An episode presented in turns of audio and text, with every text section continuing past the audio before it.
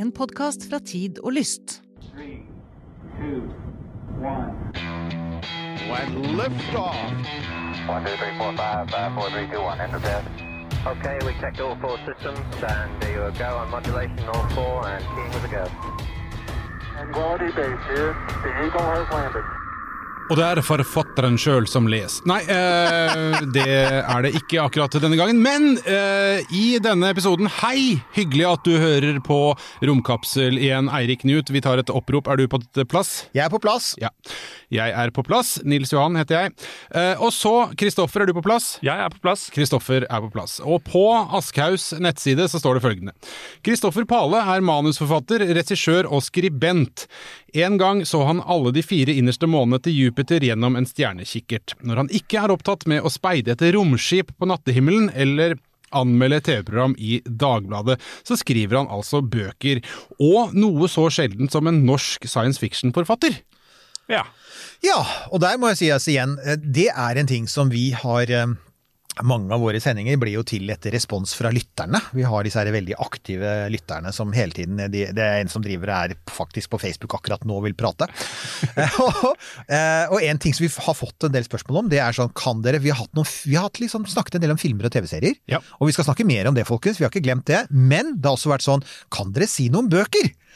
Og, og, da du liksom nevnte Kristoffer her, så tenkte jeg at ja, men dette er jo en glimrende anledning. Altså, så ja, folkens, dette er også i tillegg til at det er at vi snakker med en norsk eh, science fiction-forfatter, så snakker vi også Så er dette vi, vi ser på det som et litt bokekstra, Ja, la oss Ja. gjøre bokbad. Er det fornøyd? Ja. Synes du det er fint? Har du, blitt, har du blitt bokbadet mye? Jeg har, jeg har så vidt blitt bokbadet en gang på lanseringen min. Ja, ja, ikke sant? Ja, men da bokbader vi deg eh, på en måte i eh, Da, da gjør vi det. ordets videste forstand. Virtuell nå. bokbading, som Ja. seg hør og bør en midt i den andre bølgen. Ja.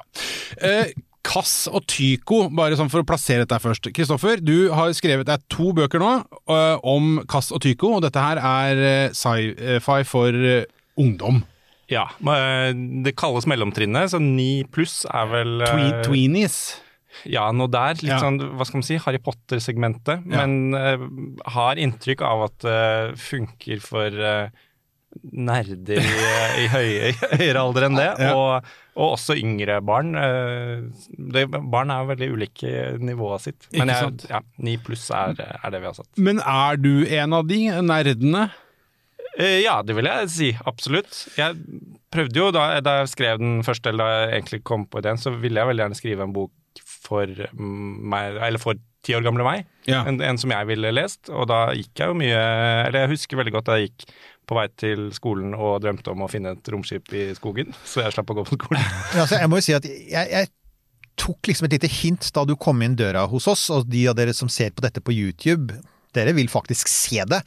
Eh, vi har jo tidligere snakket om en annen Chris, eh, Kristoffer Schau. Ja, Han, ja, eh, ja. på, litt på oppfordring fra oss, så kjøpte han en uh, Puk Kukmuk, eller Roskosmos-t-skjorte, Det er det russiske rombyrået. Russlands NASA. Men du har tatt det et steg videre, den andre Kristoffer, for her står det Ippetkeppet Kukmuk. Ikke Hva, hva er det? Det er en, eh, det er en genser med da Det står eh, Interkosmos, er ikke det det står? Ja, det er det det er. Altså alle Ja. disse, Det er jo kryllisk kyrillisk skrift. Interkosmos, og for Hva er interkosmos? Det er det sovjetiske svaret på NASA, da. Ja. Altså for det er jo sånn, altså for, for, for romnerden der ute, Sovjeterne fikk på slutten av 70-tallet så fikk de en sånn idé om at ok, vi ligger litt rett av amerikanerne, snart kommer romferja, vi tapte til månen, men vi kan gjøre noe. Vi kan bli de første som virkelig begynner å skyte folk fra ulike land opp i verdensrommet. Ja. Så Interkosmos ble deres samarbeidsprogram mot først eh, sovjetvennlige stater, det gamle Øst-Europa, så det var Cuba, Vietnam, Øst-Tyskland, Ungarn, ikke sant, altså Polen. Så, så det er mange land hvis første astronaut, inklusive Tyskland, eh, mange land hvis første astronaut faktisk fløy opp med, med Interkosmos.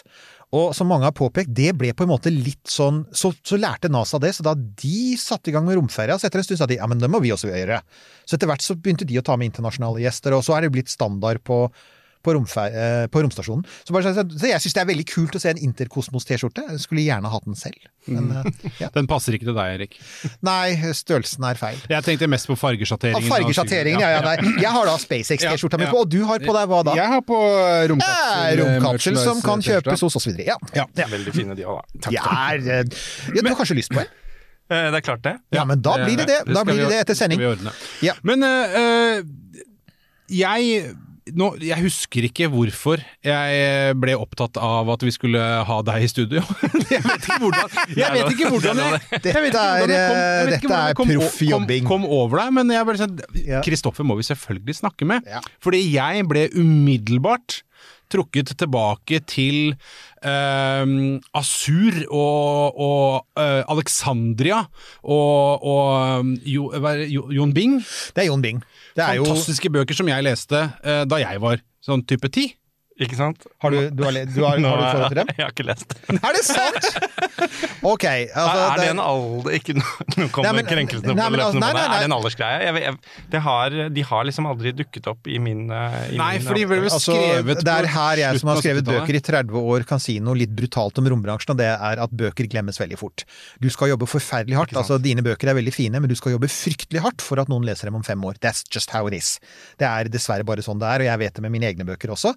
Så noe er nok det. Men når det er sagt, da, så vil jeg si at er det noen bøker som du som voksen kan lese med stor glede, så er det som du sier, Asur, Salt, Mist. Altså bøkene om stjerneskipet Alexandria. Fordi det er jo Det var jo Det var vel første gang vi i Norge altså En ting var at de var helt dominerende på sånn TV- og hørespillfronten, med Blindpassasjer og Stjerneskipet Marco Polo på radio og sånn, Bing og Bringsvær, men det var også Jon Bing var jo liksom den første som for alvor sa ja, men det er jo for ille, da, at ikke vi har en Robert Heinlein på norsk som skriver spennende ungdomsbøker med dramatikk og helter og en bibliotekar med en flaggerkatt, for sikkerhets Ja, selvfølgelig. Det må Ja, man ha. you had me at flaggerkatt, selvfølgelig. Det er meg. Ja, men ja. det, det hadde vi jo. Så, så, så nei vel, nei, men øh, ja, hva skal vi snakke om da? Nils? Nei, men vet du Men det er dagens første anbefaling. Det skal jeg notere meg. Det er dagens første anbefaling, og som vanlig så har vi shownotes. Vi kommer til, altså etter denne sendingen, uh, i den grad, for jeg antar du har noen forfattere du liker å lese. Og da når det uh, dukker opp, så, så skal vi legge ut uh, shownotes, sånn at dere kan gå til det, for det har dere klaget litt over tidligere. Eksempel når vi har hatt den andre Kristoffer i studio, og han er også en svært belest mann. Og når han da begynner å raljere i vei om alt han har lest, og vi ikke har fått det med oss, så sier de ja, men hva, hva var det han sa? Ja. Det skjer ikke denne gangen, tror jeg. Nei, vi, vi prøver, å, Prøver. prøver å bli bedre. Ja, vi prøver å bli tiden. bedre. Men eh, Kristoffer, eh, eh, fortell kjapt oppsummert eh, Ja. Kass og Tyko. Ja.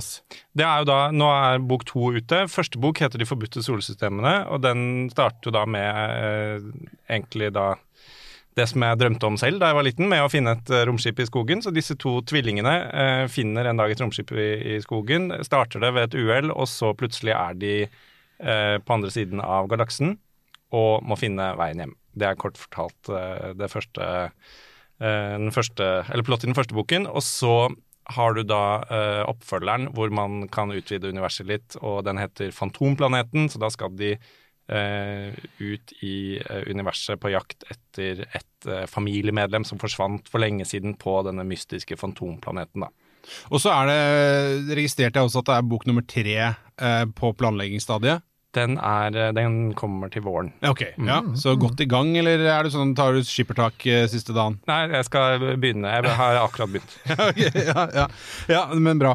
Og her merker jeg eh, at eh, man legger jo merke til at eh, du har sett og lest en del sci-fi. Man kan jo trekke en del referanser underveis her. Og nå skal vi jo bruke Eiriks ekspertise her også. På litt sånn eh, er, Du har jo vært Hva kalles det? Fagkonsulent? Jeg har vært fagkonsulent. Ja. Jeg, jo, altså, jeg har faktisk vært fagkonsulent på ganske mange norske science fiction-utgivelser de senere åra, blant annet boka som heter Marsboeren, altså Andy Wares bok The Martian.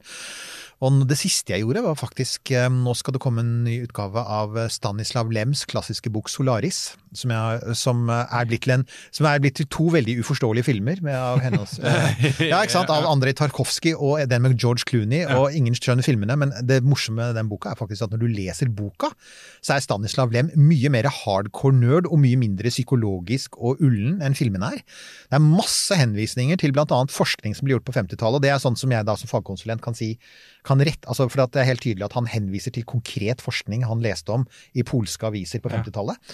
Og da er noe av jobben som fagkonsulent er ikke å si uh, ah, det går ikke an å reise til rommet på den måten, men noe er altså når Andrej Taskovskij sier den og den forskeren skriver det og det, og, det, og hans astronauter snakker med hverandre om det, så sier jeg at det er riktig, men det skal staves sånn. ikke sant? Altså Mm. fordi jeg, jeg vet hva han snakker om, og det er jo noe av det som er det kule med å være fagkonsulent. er å, ja.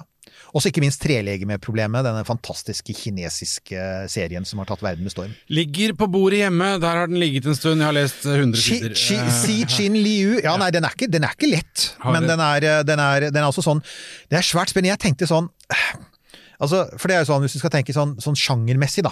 Og det er jo, altså Science fiction er veldig mye. Eh, det, altså, jeg har lest masse science fiction opp gjennom årene, og jeg innrømmer gjerne at det jeg ofte det- detter ned på. En av grunnene til at jeg likte, likte boka, eh, den, den første boka Jeg har ennå ikke rukket å lese den andre.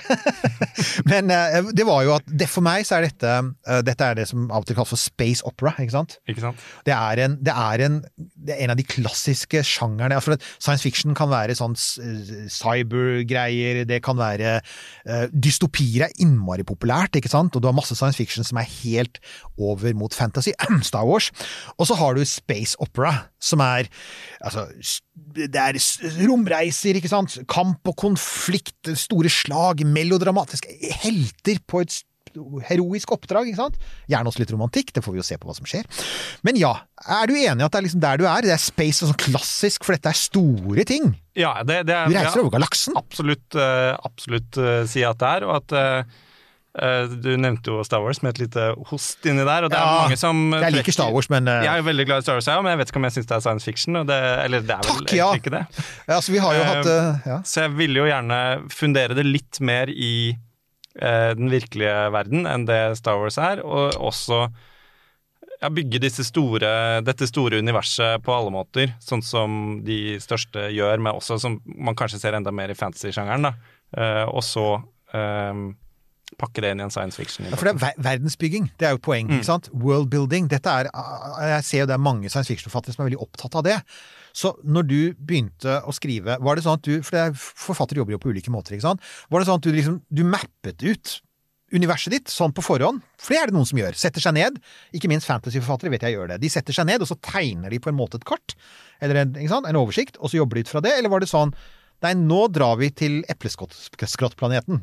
sånn, eller sånn Ja, nei, jeg har mappet ut ganske mye, både, både det geografiske man kaller det, men først og fremst bakhistorien og, og hvordan ting fungerer. Altså reglene for universet da, mener jeg er veldig, veldig viktig å ha på plass, og også jeg veldig, hadde veldig lyst til å ha et ganske sånn stort inter... Eller et galaktisk, eh, storpolitisk bakteppe. eh, og at man kunne kanskje trekke noen veksler på eh, verdenshistorien. Og så kaste disse to små barna inn i det. Og nå er, nå er noen klare. Kom igjen, få, få det ut! Ja, nei, bare- Få det sagt! Fordi Get it off your chest! Ok, jeg har vært eh, eh, jeg har, Når vi har snakka om bøker før, så har jeg følt meg litt sånn tom, for at jeg er ganske dårlig på lesebøker.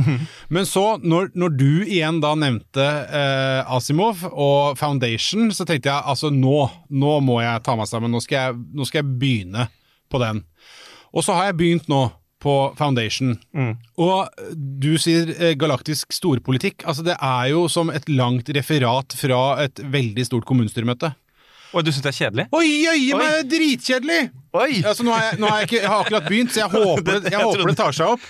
Ja, ehm, jeg husker ikke når det tar Eller jeg syns jo det var veldig bra fra starten av, men den spenner jo over ganske mange hundre år. Ja, ja, sånn, ja, da- helt i begynnelsen. Altså. Eh, men Men det er jo på en måte urboka, er det ikke det? Altså, Jo, du, du og- må, når du skriver, da, og, og jeg, jeg skal tilstå at jeg også en gang har syndet og skrevet en science fiction-bok, så når du skriver og ikke minst leser mye, av dette, så, så, så den er liksom ikke helt til å komme forbi. Nå skal jo Apple TV lage en variant, den gleder jeg meg til. Ja, ja. da. Jeg håper det blir litt mindre Storting i 24 der. Ja, ikke sant? Jeg gleder meg og er livredd, for det blir Ja, ikke alltid så bra de uh... Nei, det, er- det varierer litt, ja, men ja.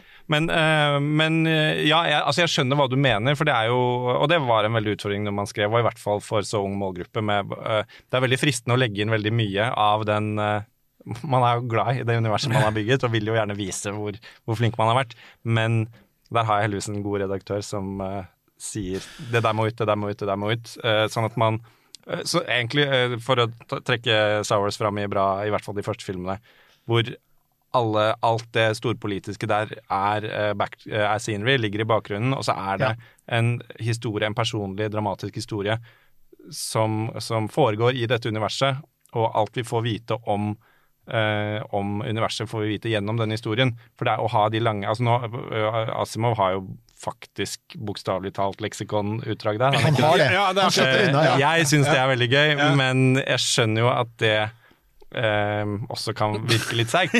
ja, så, er så det er liksom å, å, klare å, å klare å hekte alle disse tingene her på en meddrivende historie, sånn at det ikke virker som en skoletime, er jo utfordringen. da. Ja, for at der, der, der er du også inne på noe som jeg eh, Når du da eh, velger deg målgruppa, du skriver liksom for de ti år gamle selv, eh, men så skal du ha med de elementene der, og du har konstruert et univers. Hvor rota i en eller annen form for virkelighet er det? Uh, universet mitt, Ja. eh, det, det er vel kanskje noe dere andre skal Nei, jeg, jeg har Jeg sitter klar på sprang her som en panter. Jeg har, jeg har satt meg noen regler. At liksom jeg, Hvis jeg skal bryte fysikkens lover, så skal jeg vite at jeg gjør det. det jeg, tror, jeg er ikke så veldig god i naturfag, så det er sikkert noen steder hvor jeg ikke har gjort det. Men, Det men også at alle de gangene hvor man kan uh, bruke det virkelig, så er det mye bedre å gjøre det enn å finne på noe. Og også at det er tydelig når jeg har Når det er noe som ikke, ikke er reelt, eller i hvert fall ikke um, ja, altså det, At det er tydelig når jeg bryter reglene og ikke, da. Jeg, jeg tenker at noe av det viktigste i sånne sammenhenger er for at uansett så Altså det det finnes noen måter å slippe unna det på. Uh, Isak Asimov i Foundation slipper unna veldig mange av disse forklaringene ved at han legger det til sånn veldig fjern fremtid, for det gjør han jo. Ja. Foundation er litt avhengig av hvordan du ser på det, men det er vel noe sånn 12 000 år, 12 000, ikke sant? ja, 12 ikke sant? 13 000 år inn i fremtiden. Og med andre ord, alle, altså med tanke på hvor mye som har skjedd bare de siste 200 årene, nå så er det veldig lett for oss å si ja, men om 12 000-13 000 år, da finnes det Fins det teknologi som ifølge science fiction-forfatteren Arthur C. Clarke han sier at en- enhver tilstrekkelig eh, avansert teknologi lar seg ikke skille fra mag magi, sier han. It's indistinguishable from mag magic. Og det er litt der Asimov er. Han sier at den er så avansert at å hoppe i verdensrommet er som ja, det er som magi. Bortsett fra selvfølgelig at han som han sier, de har jo ikke hjemmedatamaskiner engang. de, har jo, de har jo sånn lese... Sånn, Ja, mikrofilm. Mikrofilm, de har mikrofilm så, så, ja? Og, og, og mynter! Altså, de har mynter. ja, Da- så det er masse, ikke sant? Så det er sånn, de har ikke, de har ikke fått med Men seg jeg, jeg, jeg syns jo det er noe av det morsomste med å lese gammel science fiction, at de er så innmari forutseende på så mange ting, men så klarer de ikke Eller så er det sånne søte ting som at de har mynter, eller at, at Margaret Atwood i den uh, Mad Adam-trilogien, som er kjempebra, ny anbefaling forresten, selv om den foregår på jorden, så masse Hun er så opptatt av genteknologi og sånne ting, og virker å ha ting på stell der, men det foretrukne lagringsmediet er fortsatt DVD. Ja. det er, Ja. det syns jeg, Men er jeg veldig gøy. tenker da, altså jeg, jeg hadde en, diskusjon om dette i sosiale medier for en tid tilbake med en venninne som, som, som jo nettopp gjorde narr av eh, Foundation for å si sånn ha-ha, det er mikrofilm, ikke sant? Og så sa jeg, men det er faktisk med tanke på at han har altså ved å legge det så langt inn i fremtiden, så gir han seg selv en annen frihet, og det er faktisk muligheten for at, at sivilisasjonen slik vi kjenner den, Regresjon. Faktisk, Regresjon er helt vanlig, har skjedd mange ganger. Det klassiske eksempelet er faktisk kineserne, som på 1600-tallet blir møtt av Altså, det kommer europeiske mm, handelsfolk og misjonærer til Kina, og de har med seg ting som for eksempel sånn type spagetti og trykkekunsten og paraplyer, og kineserne er ikke klar over at det opprinnelig var kinesiske oppfinnelser. Fordi at de etter mongolenes invasjon, de gikk inn i en mørketid, de var jo foran alle andre for 2000 år siden, så lå de foran, liksom lengst framme. Dette har skjedd før, så det jeg sa til henne var, det kan da faktisk, altså ikke, ikke vær for opptatt av det. Pluss en ting til, selvfølgelig, og det er, og det kan vi jo ta med en gang, altså er det er det science fiction-litteraturens rolle å spå? Noen forfattere mener det. Mens for eksempel Tor Åge Bringsvær, som er en annen kjent forfatter i dette feltet, han pleide å samarbeide med Jon Bing. Han har jo sagt at han, han, hans idé var aldri å spå om fremtiden. Det var å skrive om dagens ting som opptok han i dag, altså samtidig tematikk, men å bruke fremtiden som et slags bakteppe for Ja, ham. sant? Så han spår ikke. Han sier det er ikke, det er ikke poenget med spådommer. Og så har du andre forfattere, som forfatteren Cory Doctorow, som er veldig politisk aktiv. Han er åpenbart veldig opptatt av å spå om overvåkningssamfunnet. Og han er veldig opptatt av å gå etter sine egne spådommer. Så Ikke sant? Ja, altså, jeg jeg eh, kjenner meg igjen i, i Bringsvær der, og det, mm, det er jo veldig mye moro i disse mm, spådommene å, spekulere fremover, men først og fremst for, for min del i hvert fall, så handler det om å eh, kontekstualisere nåtiden, da. Eh, at, man, at man ser vår tid ja, gjennom, eh, gjennom liksom et, eh, et fremtidsprisme. Ja, og her er jo saken at, at sant å si, disse to eh, heltene dine, er- som for øvrig, vi har jo ikke satt de fulle navnet, det er jo Cassiopeia og Tycho. Mm. Og Cassiopeia er for, mulig at en del, eh, flere enn normalt eh, blant podkastlyttere vet at Cassiopeia er et stjernebilde, Det vet jeg. og kanskje til og med at Tycho er en kjent astronom. Um, men de Bra, er, jo, de, de er jo, de er jo nåtidige unger, ikke sant? Ja, det Så det er, jo så, så, så sant å si, det er science fiction, men det er jo ikke på jorda i fremtiden. Altså, det foregår i vår nåtid, og så reiser de til et sånt de drar av gårde og havner et sted som helt klart er science fiction. Det er hinsides alt som er mulig å gjøre her, ikke sant? ikke sant. Men jeg tenkte apropos det med sånn, altså, om å holde seg til naturens lover og sånn, altså, ja, den måten de reiser på, du sier vel noe om markhull? Eh, Wor- ja. Wormholes. Altså, Mm. og det, og det, det, er jo en, det er jo en kjent det, det morsomme med Markhull da, det er jo at det kommer jo opprinnelig fra science fiction. For det var jo Carl Sagan som da skrev boka Contact, som for øvrig fremdeles er veldig bra, og på mange måter bedre enn filmen. Uh, han, han hadde jo et problem. Han ville gjerne Han hadde det samme problemet som deg, som er jeg vil gjerne transportere folk gjennom verdensrommet. Fort. Ikke sånn der fly nær lyshastigheten og bruke 40 år for jorda, men fire år for astronautene. Nei, det skal skje umiddelbart. Og så tok han kontakt med sin venn Kip Thorne, som er fysiker, og Kip Thorne sa jo jo, men det fins jo noe som heter Einstein-Rosenbroer og litt sånn sær fysikk, jeg kan jo se på det. Og så dukker altså ideen om wormholes, eh, tunneler gjennom tid og rom, opp. Og, og det ble faktisk Etter det så er det blitt en del av fysikken. Så det er et eksempel på at litteraturen har vært med på å inspirere. Science fiction-litteraturen har faktisk vært med på å inspirere fysikken, og det er det du bruker, da. Og det er Har du da lest mye av de tinga som han refererer til her nå, eller har du liksom uh, har lest le- sett i sci-fi-filmer og tenkt at ja, det kan jeg bruke? Nei, jeg har lest, uh, lest om uh, Men jeg har jo sikkert fått det opprinnelig fra science fiction, men jeg har lest uh, Sagan og litt uh, Kipp. Ja, litt Eh, og- Ja, Eh, men, men Kip er selvfølgelig uh, Markhull kaller det. Ormehull. jeg- ja ormehull, det- markhull, ja. Det er liksom sånn, så det, ja. Men, men kjenner jo til konseptet, og var jo også keen på å ha noe Eller mye av det liksom underliggende fundamentet av den galak de galaktiske sivilisasjonene i min bok, er jo dette som jeg kaller universet, som er tilsvarende litt sånn hyperspace, Ja. Men at det er en en mulighet for å reise mellom eh, solsystemer, men uten at det må ta, ta mange hundre år. eh, men også eh, men også at det tar nok tid til at det ikke bare skjer på et blunk. For jeg ville, jeg ville komme meg litt til den gamle Jeg er veldig opptatt av eh, sånn, båter. Ja, altså- Så jeg ville ha sånn sjøfartshistorier i verdensrommet. Ikke sant? Og du vil ha, du vil ha Reisen skal være med. Ja, Ja, altså Du vil ha en transportetappe, men den transportetappen skal ikke være altfor lang, er vel noe av poenget her. ikke sant? Ja, ikke sant, at og du skal ikke, og i hvert fall når det er små barn eh, og sånn at eh, Eller det skal ikke være et poeng at nå har vi vært borte i 200 år, og når vi kommer tilbake, så er alt, alt endret seg. Så de, det er, de er ute til, til sjøs i noen uker eller måneder, sånn som i de gamle sjøfartsromanene. Og så kan man liksom kan man bruke den tiden det tar som et strategisk element også. Eh, Og da, vi da, hvis vi først skal ta rive boka di, filler jeg bare. Nei, men det er jo interessant, for det du sier der er jo altså disse markhullene, som jo faktisk er det, er det er en reell fysisk ting man tror kan finnes, vi er jo ikke sikre på om det går. Det er også veldig usikkert på om det er mulig å faktisk overføre materie gjennom markhull. Det vet man ikke ennå. Det kan hende det går, kan hende det ikke går.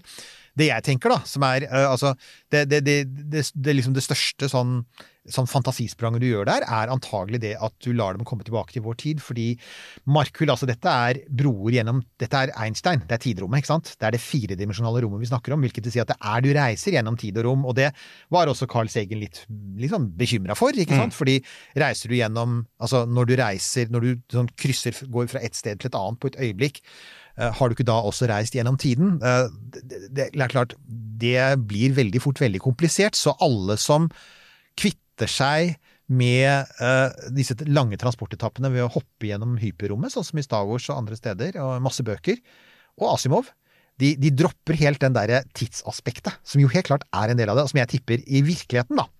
Så tror jeg hvis det er mulig å reise gjennom markhull, så vil jeg tippe at de for eksempel Cass og Tycho neppe ville komme tilbake til De, ville, de kunne ende opp i en annen tid, og kanskje til og med et annet univers. Altså. Jeg tror Ikke det kan, sant? Tror det, så det, det er Men ja. Men ja, men det, det har du Du har jo lov til å Ja, ja. skippe, skippe det, liksom. Og jeg, det jeg tenker, da, det, noe av det viktigste, og noe av det, noe av det som jeg syns er veldig bra med det du gjør, er at du er konsistent. For det jeg tenker er, enten det er fantasy eller science fiction, så, så skal det være Det er derfor jeg spurte deg om, om verdensbygging. For noe av det jeg merker da, når jeg begynner å lese bøker, er har liksom forfatteren vært helt tydelig på Altså bygd en verden som henger i hop for seg selv, da.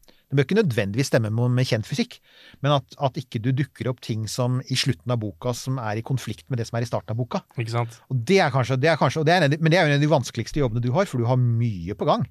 Ja, ja. det er mange. Jeg brukte en del tid på ja, rett og slett eh, ha de konsistente reglene. Da. Det, eh, jeg skjønner meg ikke på folk som ikke gjør det, for du eh, skaper jo bare problemer for deg selv. Og du gjør det mye lettere. Det er, det er jo mye lettere å finne ut hva handlingen skal være når du vet hva som er lov og ikke lov. Eh, Og det gjør det lettere for, eh, for uh, leserne også. Men samtidig, da, så når du har det til grunn, så har du jo liksom sånn kattefolk og noen sneglevesener og sånne ting som bare er sånn Å ja. Total fantasi. Ja. Ja. Ja det, det, Det er er ikke noe gærent med det. nei, nei. nei. Um, jeg har ikke møtt noen romvesener, så jeg vet ikke hvordan de ser ut.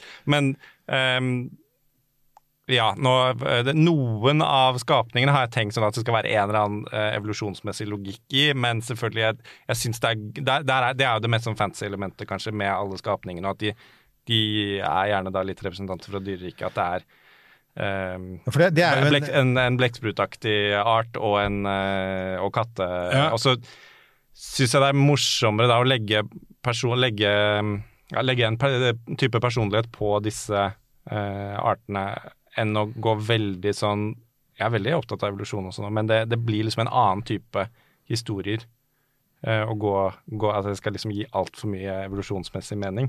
Ja, ja, ja, ja men jeg, sy jeg syns for så vidt det er kult, for at det er jo en ting som jeg eh, Altså i eh, Det har jo endra seg med CGI og sånn, men, men tidligere sci-fi og sånn, hvor, hvor alt er humanoider fordi det var sånn man klarte å løse det sånn filmatisk eh, tidligere. Men ja, hvorfor skal det ikke kunne være en blekksprutaktig ting, eller en snegle, eller hva det måtte være? Ikke sant? For det Who knows? det er, det, jeg, jeg skrev jo i sin tid en bok om livet i universet som en fagbok, da. Og utgangspunktet mitt, det var jo at, at nettopp det med at jeg syns at det at altså, filmbransjen ikke minst var så ofte var så lite oppfinnsom. Altså Jeg vokste annet opp med Star Trek, den opprinnelige Star Trek-serien, og den er veldig der. At det er underbetalte amerikanske skuespillere i Mm, ja, ja. Og det er, det er forståelig, for det var det budsjettet de hadde. Den, ikke, den var ikke veldig kostbar, liksom. Men samtidig så er vi jo der at hvis du bare løfter på en stein, så kryper det jo ting ut som, som er langt hinsides noe du ser på film. Så bare livet på jorda, altså jordas økosystem, har jo frembrakt organismer som som, det er et enormt mangfold, og da er det jo rimelig, og, og det er jo rimelig at det er sånn. Jeg tenkte jeg så, jeg leste en scene som når jeg sa tidligere epleskrottplanet, så er det helt sant, for det er det du kaller det, ikke sant? Denne planeten de kommer til, hva heter den igjen? Eh, Krung, var det? Uh, ja, nye Krung. Krung heter det. Krung.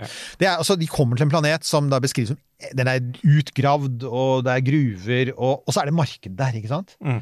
Og det er, sånt, det er som en sånn basar i Marokko, bortsett fra at der er det alt som du sier, fra blekkspruter til katter til uh, kråkeboller og alt mulig rart. Og det jeg kom til å tenke på, det, det fins jo faktisk filmatisk sett. Det er en film som heter um, laget av Luc Besson. Den, hans siste science fiction-film, Valeri, Val, Valerian Men, and, ja. and the, the City of a Thousand Planets. Ja. Der er det en sånn markedsscene, og jeg tenkte faktisk på den. For den også, der, der har du, det er jo basert på en fransk tegneserie for øvrig, en klassisk fransk tegneserie, denne filmen. Så det jeg tenkte var egentlig at på en måte så er det litt sånn Denne scenen er egentlig litt lite amerikansk, for amerikanerne er veldig ofte sånn De ser ut som mennesker, og det, det minner mye om USA. Og det du har lagd, det er noe som helt klart ikke er USA, men egentlig ganske kaotisk. Og igjen minner mer om den scenen, med at det er sånn alle slags vesener, og masse bråk og støy, og, og også egentlig litt uhygge. Ja, ja. Har du hatt en sånn figur som han, eh, som du på en måte har brukt eh, til å vekte noen ideer på underveis i skrivinga di her? Eh, Jeg har jo øh, øh, Nå er det jo ingen som kan sammenligne seg med Eirik Knust, det skal sies, men, men, men, men altså noen som. En skygge av, da. jeg, jeg har jo noen, øh, noen venner som jeg kaster ball med, andre entusiaster, og jeg og min bror kan snakke mye om sånne ting. Og så var det jo en, det, en astrofysiker inne og, og gjorde litt sånn hullsjekk på Men det går mest på det Jostein Riise Christiansen sitter jeg og ser her, kan det stemme? Ja. stemme? Ja. Eh, Det går, går jo mest på da når det er supernovaer og kvasarer og sånn inne. Så, så det biologiske har jeg ikke hatt noe inne på. Det kom, er jo mer, eh, mer av det i bok to. Der kommer det også For jeg, jeg har tenkt på disse tingene med at det er en veldig sånn eh, Eller at dette med liv kan være så mye, og at det er litt, eh, litt breialt å gå ut fra at alt er likt som oss. Så det er ja. uh, helt andre, virkelig andre typer livsformer hvor jeg har vært ute og, ute og fabulert mye selv. eh, som dukker opp i bok to, også tenkt at det er at det, det er en slags sånn eh, Grunnen til at det er det livet i universet som er i denne boken, eh, er det vi forholder oss til, er det fordi det er det vi Det er det de er i stand til å se. At det er veldig, veldig mye liv der ute som ikke nødvendigvis eh, synes ved første øyekast, eller som eksisterer over så an annerledes tidsperspektiv at bare, du, du merker ikke at det er levende engang, fordi det, de, de Ja. Beveger seg over millioner av år, da, ikke sant? Det er vel en, en, en, av de, en av novellene er det til eh, Jeg tror det er det, eh, Asimov hvor han er inne på dette at um, eh, altså De oppdager ved, nærmest ved en tilfeldighet at det finnes liv på asteroidene, og det livet er rett og slett i form av skifer, altså skiferplater som glir i forhold til hverandre. Eh, og Carl Segen var litt opptatt av det. husker Ja. jeg, han, for han var jo også biolog, og han var opptatt av dette at vi er veldig opptatt av sånn karbonbasert liv. Og det han sa, var at silisiumbasert liv, altså igjen altså liv som mer eller mindre kan se ut som steiner, det er en mulighet. Så, så du, er jo, du er jo absolutt inne på det der. Det jeg tenker er at du har på en måte plassert deg selv, for det finnes en debatt der ute nå. Vi har vært inne på den i tidligere sendinger. En av våre første sendinger i den podkasten handler jo faktisk om dette med liksom hvorfor det er så stille der ute. Ja. Og det er jo, og der, det er morsomt, for eh, det snakkes det lite om, men i, i Foundation, hvor du har, eh, du har eh, mikrofilm istedenfor sånn iPader, så har han gjort én ting. Han har gjort et grep som faktisk var litt uvanlig eh, på den tiden, da han skrev boka, og som nå er blitt veldig populært, og det er å anta at, at galaksen er jo faktisk tom for romvesener, så å si. Mm. Altså, mennesket ekspanderer ut i en galakse og kan flytte på alle de planetene det vil, for det er ingen andre der ute. Og jeg kan si at historisk sett så har helt siden liksom, den vitenskapelige revolusjonen startet, så har det vært veldig vanlig å anta at det var liv overalt. På 1800-tallet var man veldig opptatt av at det var liv på månen, eksempel. Det ja, det var jo flere som observerte svære byer på månen, og på Mars var man sikre på at det var liv. Så det har ikke vært sånn at det er liksom det synet som er blitt mye vanligere blant astrofysikere i våre dager, som er at oi, det var innmari stille der ute. Det er faktisk det er, det, er, det er et nytt syn. Det gamle synet er på sett og vis det du har, og som fremdeles det er ganske mange, men, men det, er, altså det er interessant å se at du har liksom inntatt den Jeg antar at det er et helt bevisst valg. Ja da, absolutt. Og det, og det er ikke en Jeg kan vel si at så egentlig personlig har jeg ikke veldig mye Jeg overlater til de som virkelig kan om det, til å vurdere Ja. hva som er mest sannsynlig. Men jeg håper jo for det første at dette er sant, og så er det jo mer Ja, gjør du det, jeg syns det er interessant, for der, der, igjen, der er det sånn Blant de som holder på med livet i universet, da, så er det sånn Å, så kult, så mange Men, men da antar du at alle er greie?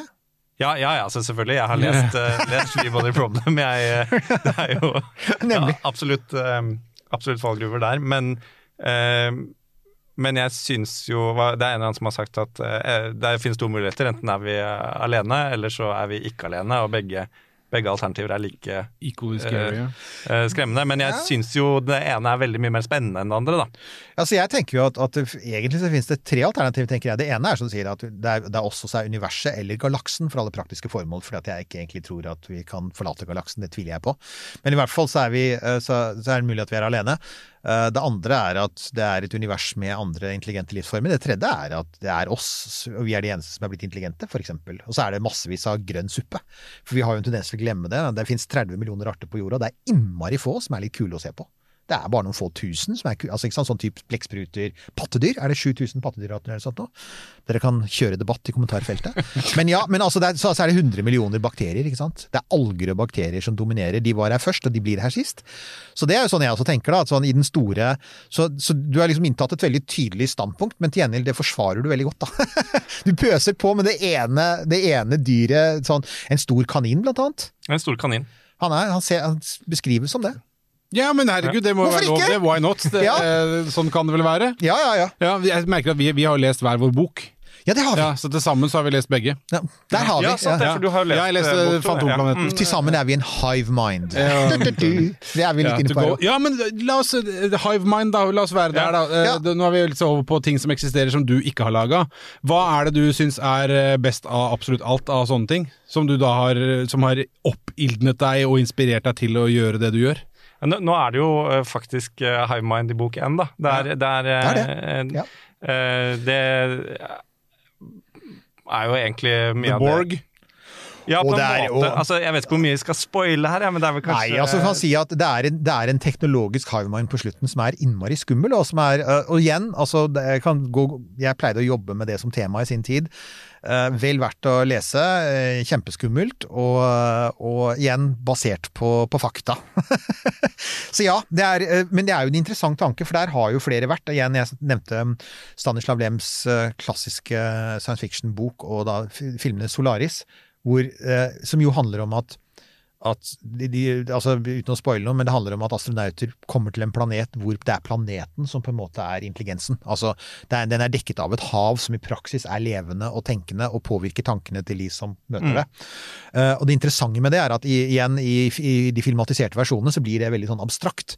Men når du leser boka, så er det ganske morsomt å se, for der er Stanislav Lem mye nærmere deg. Ja? Eh, og det er at han, han liksom, igjen, han er veldig opptatt av å, å vise at han faktisk har lest. Altså, og jeg syns det er alltid morsomt. Jeg synes altså Som, som eh, astrofysiker synes jeg det er veldig gøy når forfattere gjør det, for jeg tenker det er litt, det kult. Det er å gjøre research, og faktisk til og med ville, liksom ville vise leserne dine at jeg har faktisk Det er ikke bare hentet ut av tomme lufta, det er faktisk noen, dette er en tanke noen har tenkt. Og for meg så blir det også litt sånn at ok, når du viser det, så viser du at så anerkjenner du på en måte at du skriver i en tradisjon, Mm. Og at boka di handler om noe mer. For det, det er jo sånn liksom, liksom Hva handler boken din om? ikke sant? Vi er, dette er et bokbad, skjønner du. Så, er sånn, Ja, ja, hva det mener du, ikke sant? Sånn, sånn, jo, men det er jo, det er jo ofte sånn, altså det blir man jo, Som forfatter så blir man jo ofte spurt om det. liksom, liksom, hva er, Har du en dypere mening bak det? ikke sant? Altså, Er det, er det bare gøy og moro, eller er det, har du liksom et litt større budskap her? ikke sant? Kristoffer Pale, eh, hva er meningen bak Hva er Har du et større budskap eh, bak det du skriver? Eh, jeg har jo ganske mange tanker selv, og så syns jeg jo det er mye mer spennende å høre hva andre Altså, jeg Man vil jo helst ikke drive og forklare, forklare budskapet i sin egen bok. Eh, men det er tanker der, og du, det Ja. høres jo ut som du er litt innpå det der, Erik. Ja, nei, altså, og det det er jo igjen så tenker jeg, men, men dette handler jo også litt grann om hovedpersonene dine, som jo Altså, det kan vi jo si at i likhet med veldig mange andre hovedpersoner eh, eh, altså, i bøker om barn som legger ut på eventyr, så har de mistet foreldrene sine. Mm. Kan si du velger Harry Potter-løsninger uten å gå for mye inn på det, men, men foreldrene er borte. Det er, øh, og igjen som en som har skrevet om øh, noen barn som legger ut på en reise i tiden, i mitt tilfelle, så kan jeg si at det er veldig praktisk å kvitte seg med foreldrene. Altså. Det er kjempe, kjempe Det er kjempepraktisk, for du slipper det. men det er jo litt på samme måte som bagasje. har, jo, men det er jo litt på samme måte som du har i, da, i for eksempel actionfilmer, da. Hvor man Ja. bare har eh, valgt å Nei, politiet eksisterer ikke. Det vi sant? Ja, ja. For at det ville gjøre Og- ting veldig Og det fine med det er igjen, det er en lang tradisjon for det. Dette er ikke noe problem. ikke sant? Dette her er sånn Robert Louis Stevenson gjør det, alle gjør det. Eh, de, altså, og det er, det er en, altså, igjen, det er noe som vi som lesere uten videre bare sier ja, men det, that's fine, for det er sånn, altså, da slipper dessuten jeg som leser å si ja, men hvordan gikk det med mor og far? De sitter ja, barna forsvant med et romskip, sant? Nei, nope. Og så, og så kan du på en måte fokusere på, men når det er sagt da, det er jo faktisk en person i historien, det er flere personer i historien deres som er viktige, og som dere kommer tilbake til, og jeg likte jo særlig den koblingen over mot dette litt sånn, nå skal vi ikke spoile for mye, men denne her hiveminden og eh, deres eh, bestemor. Ja. Ja, det er en scene der som er veldig kul, som jeg kan eh, anbefale varmt. Eh, det, det, det skjer noe greier der. Du, du, du, Den er creepy, rett og slett. Jeg må, jeg må Altså eh, Vi her er jo veldig opptatt av Werner von Braun. Så da var det nevnt. Ja, altså, vi får jo Folk sier jo det. Og dere har jo ikke nevnt Werner, men vi er ganske Ja. nøye nå, altså. Ja. Og i den anledning så syns jeg det er fint at det er doktor Sternvogel. Ja. Som er Ja. en tyskklingende navn. Ja. Takk. Pluss, kan jeg bare si det, før vi går videre til dr. Sternfogel.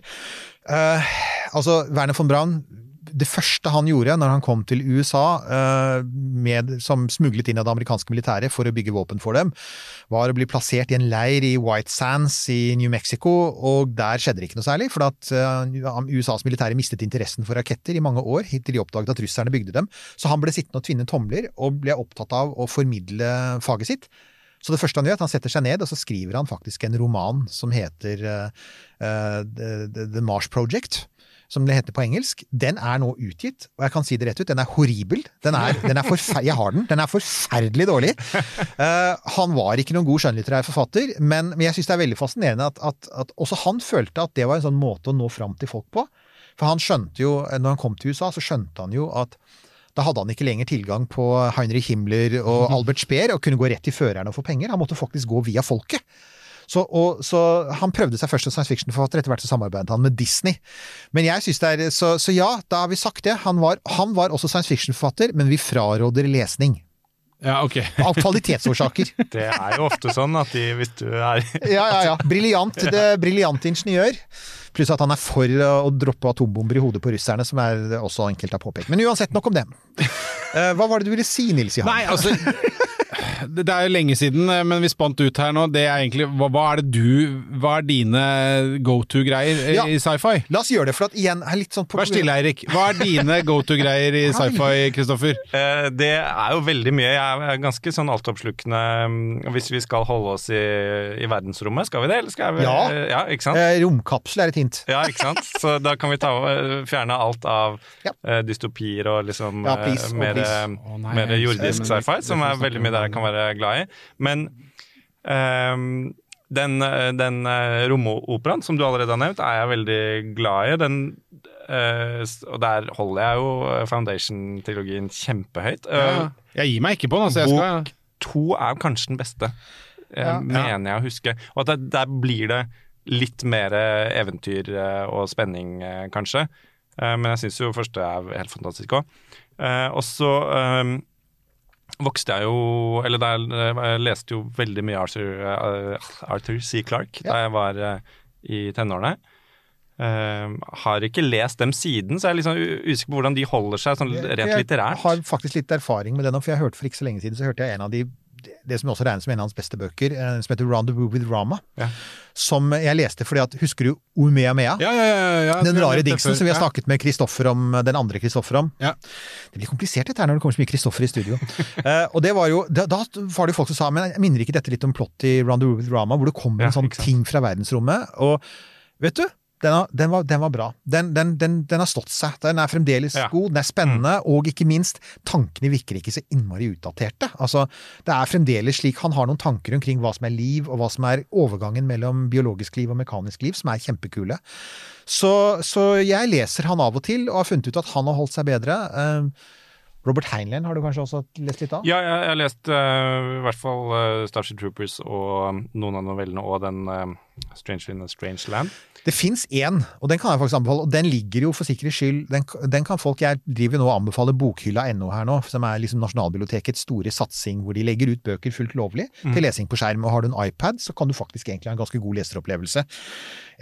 Robert Heinlein er ikke oversatt til norsk veldig mye, men han har en bok som heter Den røde planet, Red Planet. Ja.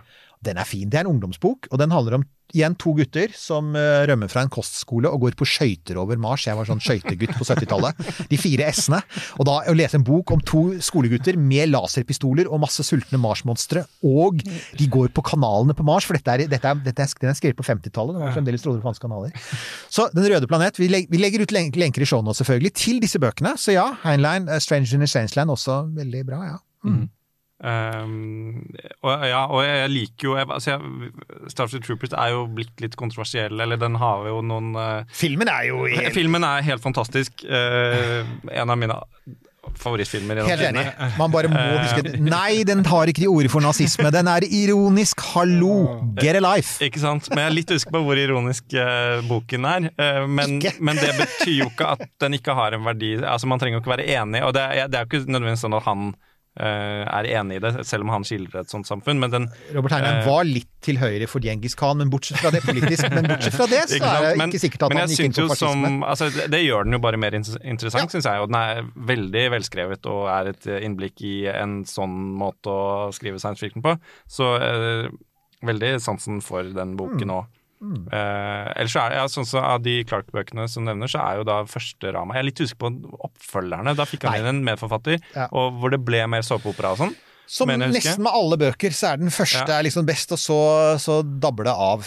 Helt Ikke sant? sant? Og så er det jo uh, Childhood's End, uh, boken hans, som er en av de første bøkene hans, kanskje. Eller den er jo gammel, i hvert fall. Og da, jeg, jeg syns jo ofte at de liksom Nesten litt jo eldre de er, jo mer kan man distansere seg fra hvor ute de er på det på spådommene, da. For den er jo, er jo gammeldags, mener jeg å huske. Men Ja, også veldig, er det veldig fin. med, er, altså Ofte så er det noe med disse litt eldre bøkene at de har ganske sånne de har ganske rene plott, Ja. og, og tankene er ofte ganske tydelige. Det er helt klart, altså hvis man leser nyere science fiction jeg tenker, Det er en forfatter jeg er veldig glad i som heter Ian Banks. Uh, Ja, jeg har ikke lest med han, men jeg Han har en serie med Det er space opera, men det er altså Han var Han er død nå, dessverre, men han skrev en serie om store, tenkende romskip. Altså lagt et Igjen, litt som Asimov, lagt mange tusen år inn i fremtiden. Fullstendig plausibelt til en verden hvor liksom teknologien har gjort penger overflødig, hvor i praksis så lever man i et slags sånn postkommunistisk samfunn hvor Mm. maskiner lager alt du trenger, så, så, så velstand, rikdom fins ikke lenger. og Teknologien gjør at alle kan på en måte skifte til de formene og de kjønnene du har. Så ideen om biologisk form blir nærmest Det er masse spennende han holder på med. Men, eh, men det jeg merker, da, er at, at han er ganske krevende, akkurat som Xi Si-Chin Liu med, med treleggerproblemet.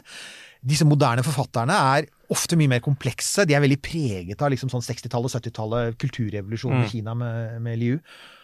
Og da kjenner jeg at det er litt deilig å søke tilbake til disse forfatterne som var sånn To karer med Eh, laserpistoler eh, fikser rommonstre! Men, Ja, men nå, nå, tankene som kommer her nå, det er, det, er, det er veldig stort. Det er veldig mye. Mm. Men hvordan eh, tar på en måte målgruppa imot dette her? Da? Ja. Altså, hvordan eh, leser de bøkene? Hva sier de? De, eh, jeg har inntrykk av at de er ganske begeistret. Det er jo selvfølgelig ikke for alle, og det er jo, det er jo det er jo ikke veldig lettleste bøker for målgruppen. De, er på ca. 300 sider, og det er mm.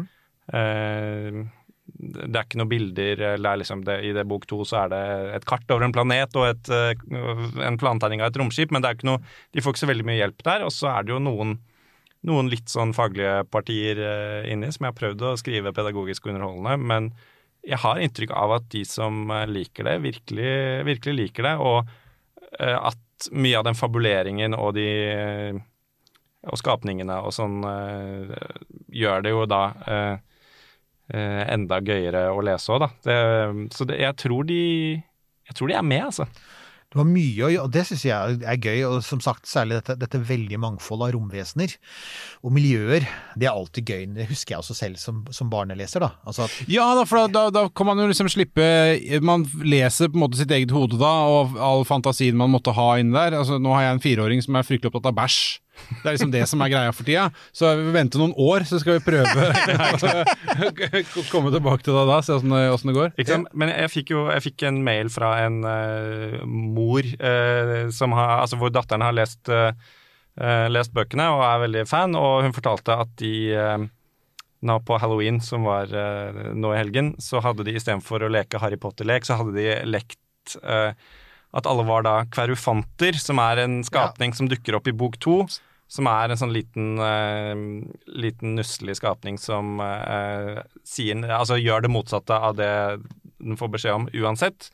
Uh, litt sånn comic relief i boken, og har da tydeligvis slått an veldig der. Det, er, det er jo veldig da, da har man oppnådd det. Ja, da- Det er- da- en av- En av de mest smigrende meldingene jeg har fått, rett og slett. Når de eh, leker det, og jeg kan jo se for meg at det er noe barn syns er veldig gøy. Og foreldrene hater det! ja, De hater det! Jo, men det er jo en hack der. For hvis de, altså, en del av premisset er hvis du eh, Du må bare be den gjøre det motsatte av det du Ja, øh, sant, vil. sant nok. Og da, siden du da har rotet deg inn i en av Norges mest nerdete podkaster, så må jeg jo da si Liksom, hvilke evolusjonære fordeler gir det å gjøre det motsatte av det du Ja, det, det Er dette et kulturelt fenomen, eller er det, ligger det i genene deres? Nei, altså Den kommer i et stort, sort egg og er kontrær fra den klekker Wow. og øh, sover 23 timer i døgnet. Sånn, den, den har nok ikke veldig jeg, jeg, jeg vil tro den er ganske sånn robust på alle andre måter. Men på den annen side får jeg si at et, altså, hvis jordas økosystem kan, framst, eh, altså, kan frambringe noe sånt som f.eks. det ørkennakenrotta, så, så, så kan helt klart så kan nok, ute i universet kan det nok helt klart frembringe kverufanter. Ja. Mm, Ja. Men du eh, det som, nå, nå skjer det jo fryktelig mye i, i faktisk romfart. Mm. Eh, ha, altså Gjør du noen tanker om, om, om det, og hvordan måte, Hvis du da ser for deg at du skal skrive åtte-ti bøker om altså bruke det samme galleriet her, samme universet. Mm. Ser du noe for deg altså, hvordan det skal påvirke alt det som skjer nå? Hvordan du kan bruke det? Ja, altså nå, nå er det jo ikke så mye De kommer seg ganske fort vekk fra jorden og har sine egne transportmidler, så de trenger jo ikke så mye av vår eh, romfart. Men jeg syns det er ganske interessant det med Altså at kommersen er så på vei inn i, i romfarten, og hva det vil gjøre. At det sannsynligvis da vil eh, kickstarte kanskje en ny, en ny romrevolusjon. At man kommer til å faktisk få gjort noe de eh, at, det, at det skjer noe mye mer nå enn det har gjort de siste, de siste eh, 30 årene. Men også da med en del eh, en del eh, heftelser som man ofte ser kommer med, eh, med kapitalismen, da, og at ting er kommersielt drevet. Og det er jo stas med, at, med, altså med SpaceX og, og hele de greiene der. Og så har du Elon Musk som mest av alt fremstår som en sånn James Bond-skurk. Så, så Ikke i dette studioet her, men ok. det, det, det får du ta på egen regning. Oi! Um, Ja, det da- Si hvor mye du liker Interstellar også nå, så tenker jeg Ja, så vi der, da går vi i gang med det sånn blemme på blemme. Ok. men, men, eh, men, så, ja, men så har jeg et, helt klart et ambivalent forhold til, til Elon Musk. Han får gjort masse, og så er jeg spent på å se hvordan det går. Og det jeg har, jeg har noen sånne overordnede tanker på å inkorporere det i boken, men ikke liksom så én til én. Men, Nei, men men, kommersielle at- krefter som plutselig tar over altså Det ser man jo over hele verden, at, at nasjonene begynner å Falle litt litt uh, Bli litt underdanige de internasjonale selskapene, da. Ja, ja, det er Det er klart, det, er, ja, er, liksom. har jo science fiction vært opptatt av lenge. Jeg, får si at jeg syns noe av det fascinerende med, med det vi ser akkurat nå, er at det minner faktisk om enkelte, særlig av bøkene til Robert Heinlein. For han var jo der at han liksom Du kan bygge en rakett i hagen din, ikke sant. Mm. Altså, eh, det, han var som sagt vel, ganske langt ute til høyre, uh, og var veldig tilhenger av private initiativ. Og, og, og gir jo uttrykk for det, faktisk. Som, han, han er også veldig opptatt av med kolonisering og nybyggere, som er en type språk som Musk bruker. Og her skal vi da minne om at Elon Musk er helt klart en av de mest beleste gründerne vi har hatt på svært lenge. Altså, Alle driver og hyller Steve Jobs. Han likte ikke bøker i det hele tatt. Uh, han, trodde ikke, han skjønte ikke hvorfor folk leste bøker. Elon Musk har jo sendt bøker til Mars i hanskerommet på, på bilen sin. Eh, så, så det, men jeg tenker at der er det jo, for å nevne én forfatter til, da, som faktisk har vært veldig opptatt av akkurat det. Altså overgangen fra du starter med å liksom ville utforske og kolonisere eller befolke solsystemet, til at etter hvert så surner hele greia, for at det blir jo bare som jorda igjen. Mm. Da kommer jo, da kommer jo eh, kriminaliteten og skurkene og krigsherrene og Altså, Skal vi ha atomkraft på Mars, så får vi atomvåpen på Mars. Vi må ikke tro vi slipper unna det, liksom. Det er eh, forfatteren Kim Stanley Robinson. Jeg vet ikke om du har lest han?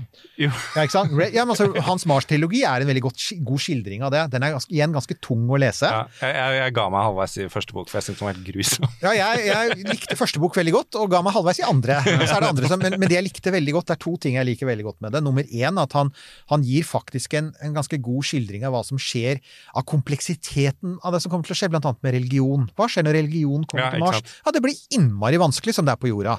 Hva skjer når kapitalisme møter sosialdemokrati? Den andre tingen som jeg syns han gjør en veldig god jobb med der, er at han skildrer framveksten av en egen mytologi. Altså Mm. at, at, altså at når folk kommer til et nytt sted, så begynner de å fortelle sine egne eventyr, de begynner å fortelle sine egne myter, og de får etter hvert sin egen religion. Det syns jeg er veldig bra. Muskisme er jo det, da. Ja. Og da kommer- Eller elonisme. Men det, er- det er kjempe det, det er, altså Alle disse tingene her er jo ting som interesserer og fascinerer meg. også. Du må bare ikke sovne når du leser det. det, ja, det må, man må skrive litt bedre. Litt mindre sånn eh, Men eh, skal vi tenke på en, Altså, jeg vet ikke, hvordan var det vi hadde, skulle ha en liten overraskelse egentlig til, til Eirik. Mm. har du forberedt? Jeg har forberedt Ja, du har eh, forberedt. Ja, ja, det er en liten overraskelse. Det er en quiz. Okay. Eh, Ja. Og da er, da er gulvet ditt, eh, på en måte, Ja. Kristoffer. Skal vi ta det nå? Ja, ja, ja. ja, ja, Det er ikke noe premie hvis du, Nei, nei, hvis men, du klarer men dette. dette er premie nok i seg selv. jeg, Ja, eh, det fins altså videobevis, folkens, bare sånn at dere vet det, så her er det ikke noe juks. Dere kan se her er jeg, og der er han. Jeg eh, jobber jo som quizmaster også. Ja, jeg har så en det. ukentlig quiz. Eh, så da tenkte jeg det kunne være Trodde du skulle få og... sjokolade, ja, så får jeg quiz. Okay. Ja. Dessverre. Okay, Jeg tre, jeg er veldig helsebevisst her. jeg har tre spørsmål. Jeg visste Ja. ikke hvilket nivå jeg skulle legge meg på. Det høres ut som det er greit å legge seg på et høyt nivå. De er jo, det er litt film og litt litteratur. Eh, Ja, da Ja, er det mye mulig å trøble her. Ja, får okay. prøve. eh, du kan få første spørsmål. Det er ikke så vanskelig. Men hva heter romskipet i Alien? Nostromo. Og det er uh, oppkalt etter uh, Heart of Darkness, uh, ja, Joseph Conrads bok om å seile oppover Kongoelven i mørkeste Kongo på 1800-tallet. Ja. Jeg, vil, bare for å Ja, jo, Du men vet det at når du Bare for å vise at jeg er akkurat så utholdelig slitsom å være sammen med som folk tror jeg er. Det er bra. Jeg tenkte jeg ikke skulle, skulle be deg si det, men det er fint at du byr deg på den. Ok, neste spørsmål. Hvilken klassisk sci-fi-film fra 1956 er basert på William Shakespeares Stormen? Uh, Forbidden Planet. Ja. Ja, jeg, jeg, jeg, aner ikke, jeg, jeg, jeg har ikke peiling. Nei, den er, har en Du- du fantastisk svaret. eh, robot, og jeg, har- jeg har faktisk forsøkt å se den. Ja, det er den som har den. eh, Og det er eh, Jeg husker ikke om det er Caliban-figuren eller hva det er, men i hvert fall, ja. Og poenget er jeg har prøvd å se den, og, og den er klassisk. Men det, for meg så var det som når du leser Kim Stanley Robinson, det var bare sånn Ja, Men jeg elsker estetikken i de filmene. ja, jeg synes det var kjempegøy. Eh, Ja. Den, eh, jeg tror roboten er da den engelen som heter Ariel, eller altså, Ok, der ja, samme det. Um, men også, det er jo gøy, han som spiller kaptein, han som liksom spiller eh, eh, Captain Kirk Ja. på den, eh, er jo Leslie Nilsen. Ja, ja, ja, det stemmer det! i en! I I en tidlig rolle. helt seriøs rolle, Ja. eh, før han da Første ble og eneste mann med seriøse rolle, ja, ja. eh, det var det nå, etter, ja. ja. Mm. Um, ok, siste spørsmål. Nå er vi over på et slags litteraturspørsmål. I 2001, en romodyssé, så oppdager eh, mennesker en monolitt på månen som sender et signal ut i retning av Jupiter. Det er da filmen. Mm. Men i bokversjonen så sender signalet lenger ut. Ja det, Hvor? sendes, det sendes til Saturn. Men hvor? Uh, den sendes til jeg mener, husk at det er Japetus. Det er riktig. Ja, det er Saturns måne Japetus, som hadde uh, Veldig lenge, når man observerte den fra jorda, så hadde den en veldig sånn rart lys altså, altså Fargen eller lyset på Japetus varierte på en sånn rar måte, og det gjorde at Arthur C. Clarke, som skrev bokversjonen For øvrig er jo interessant, fordi at uh, bok og, og filmmanus er liksom egentlig ikke skrevet sammen, så det er, litt, det er ganske store forskjeller. Um, og så ble det, var det Voyager eh, Voyager 2 var det vel som fløy forbi Saturn. Den oppdaget jo at det skyldtes jo at når Japetis går rundt Saturn, så braser den inn i masse sånn stoff som har gått i bane rundt Saturn og blitt Ja. mørk på den ene siden. Så Sorry, folkens. Jeg beklager. Det er sånn jeg er. Nå, er- nå, nå vet dere hva, Det Ni- vet nå vet de dere hva Nils Johan har å stri med i Du får alltid tilleggsinformasjon uh, hvis man stiller Eirik et enkelt spørsmål. ja. Ja. Men nå var ikke altså et enkelt jeg, det, det har, jeg må jo tilstå at det har hendt at folk har bedt meg om å være med på quiz. Men jeg er ikke så, jeg, jeg er ikke så opptatt av quiz. Det hender folk det, Jeg er blitt stoppet på kafeer og sagt du, vi har quiz, kunne du være med på det det er så mondant, for jeg vet alle kan alle svarene. Ja, det er så, Men det er jo, de, de endret det fra altså de, I Kubrick og Clark utviklet jo historien sammen, og så skrev vel da Clark eh, boken Ja. før filmen kom ut. Nemlig. Og så eh, måtte de eh, endre fra eh, Saturn til Jupiter fordi eh, det ikke var mulig å lage ringene på en troverdig måte. Kan jeg få stille et motspørsmål? Husker du hva han heter, han som laget spesialeffektene? Douglas Trumbull. Har du sett den fantastiske filmen han lagde på egen hånd etterpå, 'Silent Running'? Eh, jeg har Det er veldig lenge siden, så jeg, husker ikke så mye om Silent Running er bare si, apropos science fiction, det er en film fra tidlig 70-tall, og det handler om, det er, den er ganske sånn framsynt. Den handler om at jordas økologi er ødelagt. Uh, og da sender man et romskip, og det er ut i Saturn. For det, han, det Douglas Trumbull, Trumbull, som er en av disse klassikerne i spesialeffektbransjen, han var ekstremt viktig. Vi hadde aldri hatt så fett Star Wars i 1977 hvis ikke det hadde vært for Douglas Trumbull på tidligere. Eh, Da lager han ringene rundt Saturn. Det, det romskipet flyr til Saturn. Jeg har aldri fått bekreftet det, men jeg tenkte det må da være Douglas Trumbull som noen år etter 2001 sier ok, nå, jeg, nå kan jeg det, så nå lager jeg for svingende en film hvor jeg kan sende mennesker og roboter til eh, Saturn. Silent running er for øvrig noe som amerikanske ubåtkapteiner altså Det var et uttrykk man brukte når ubåter skulle snike seg unna japanerne i Stillehavet under annen verdenskrig. Og nå skal jeg stoppe, for jeg merker at folk blir irriterte. Så skal jeg stoppe! Og dessuten så er det jo Kristoffer som er gjesten vår! Ja, Beklager, Kristoffer. alle spør Det var en altfor ja. lett quiz, åpenbart. da. Ja, Ja, nei, det, det vet jeg ikke, men, jeg Men da kan vi ha en sånn Vi kan ha en jevnlig gjentakelse av dette her, sånn, så kan du komme tilbake om eh, noen Ja. Ja! Finne noen ja, men mye du, det er jo vanskelige spørsmål. faktisk, ja, men her er jo saken, vi har jo snakket om dette før også. Eh, Vi planlegger jo både Vi skal jo ha mer livesendinger. Vi får se, kan vi se om vi kan utvikle et konsept der. Er du med på det, Kristoffer? Hvis Ja, vi tenker litt høyt? Ja, ja, ja. ja. Jeg er seriøst, jeg mener det. Det kunne jo vært innmari kult. Dette her begynner å utvikle seg som sånn roadshow etter hvert. Ja, ja. Eh, Det må vi bare gjøre. Og så må vi jeg, jeg huske kommer med noen lissepasninger, og så kan du brife på. Nei, nei, det er, det, da blir det lytterne våre. Ja, ja, ja. Men her er, her er vinnerpartiet. Og så, siden vi da Altså igjen, jeg er jo forfatter selv. Eh, folkens, kjøp boka hans. Eh, jeg har lest den første, den er veldig bra. Si titlene dine igjen. Fantomplaneten? Fantoplaneten er bok to, som er ute nå. Og Sånn. De forbudte solsystemene er første bok, som eh, er ute i pocket nå. Og jeg tror man kan lese bok to uten å, uten å Men ta dem gjerne og les dem i riktig rekkefølge. Ikke, ikke gjør som Nils Johan og meg, og være to det. mennesker i samme familie som leser hver sin bok. Det er bare teit. Begge bør lese, altså alle i familien bør lese begge bøkene. Riktig Det er, snart, rekkefølge. det er snart jul, eh, så på samme måte som dere bør ha Via stjernestøv av Sunniva Rose under treet, så bør dere helt klart ha pocketutgaven av De forbudte solsystemene. Og Og når vi da vet, øh, øh, folkens, dere har barn, Øh, de kommer til å synes at dette her er veldig gøy, altså. Og så kan de lese om eh, eh, eh, Herregud, eh, Kass og Tycho Mm. først. Og så kan dere jo gå og lese krøniken om stjerneskipet Alexander etterpå. Det, Det kan du dere gjøre. også gjøre. Ja. eh, Og dere kan til og med, hvis dere har lyst på en sånn skikkelig sånn flashback til 50-tallet actionfilm, så, så skal vi også legge ut en lenke i shownotesene våre til uh, Den røde planet av, av uh, Robert Heinlein, for den er faktisk herlig.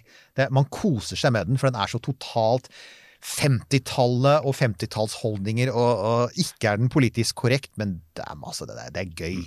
Og det skal det også være, og det er jo også bøkene til Kristoffer. Det er gøy. Det må være det. Det må være gøy å lese, må det ikke det? Jo, jeg syns det. I motsetning til du som sovner av Kim Stanley Robinson, og du som somler av Isak Asimov. Ja, men nei, men gi meg litt tid. jeg- Jeg har akkurat begynt. Jeg har ikke lyst til å kjenne deg mer. Jeg har akkurat begynt. Eh, Jeg skal komme tilbake når jeg er ferdig, så er skal jeg evaluere det. Det er ikke faktisk, jo, det er litt sjokkerende. Men litt jo, det var det jeg skulle si! Det var det jeg skulle si. Jeg, altså, nå igjen så rotter eh, altså, både Eirik og gjesten seg mot meg, som, som alltid skjer når det er flere nummer samla mot meg. For før så pleier det, det pleier liksom å være eh, studiepoeng, men nå merker jeg det at det er altså, altså Ratioen med eh, ISBN-nummer eh, her er helt off.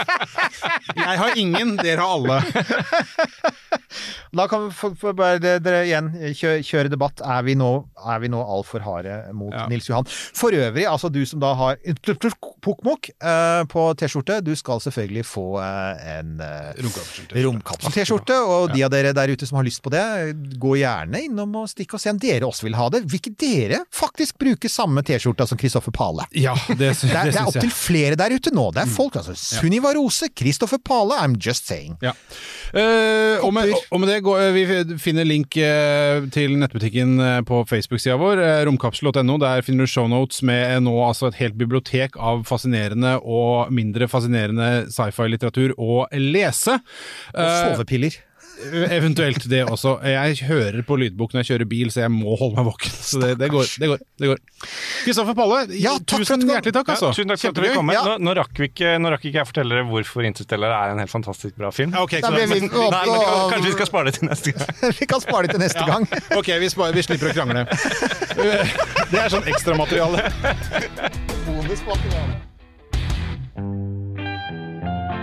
Denne Podkasten er produsert av Tid og Lyst. Velkommen til Kjemperådet! Yes. Denne gangen har vi fått inn et kjempedilemma fra en familie. Jeg leser Hei, vi er litt uenige i familien her. Mm. Hvis du skulle vært et dyr, ville du hatt gjeller eller vinger? Oi, den er tricky. Ja, Hva ville dere hatt, da? Altså, jeg vet ikke, men Med familierabatt får du ubegrenset data fra Telenor fra 399 kroner. Da kan du scrolle seg til svaret, rett og slett. Ja, ok, Men for min del Ja. gjeller. Nei, nei, nei, nei, vinger. Nei, nei, Ja, gjeller. ja, Kjempebra. Men uh, se nye mobilabonnement på telenor.no, da.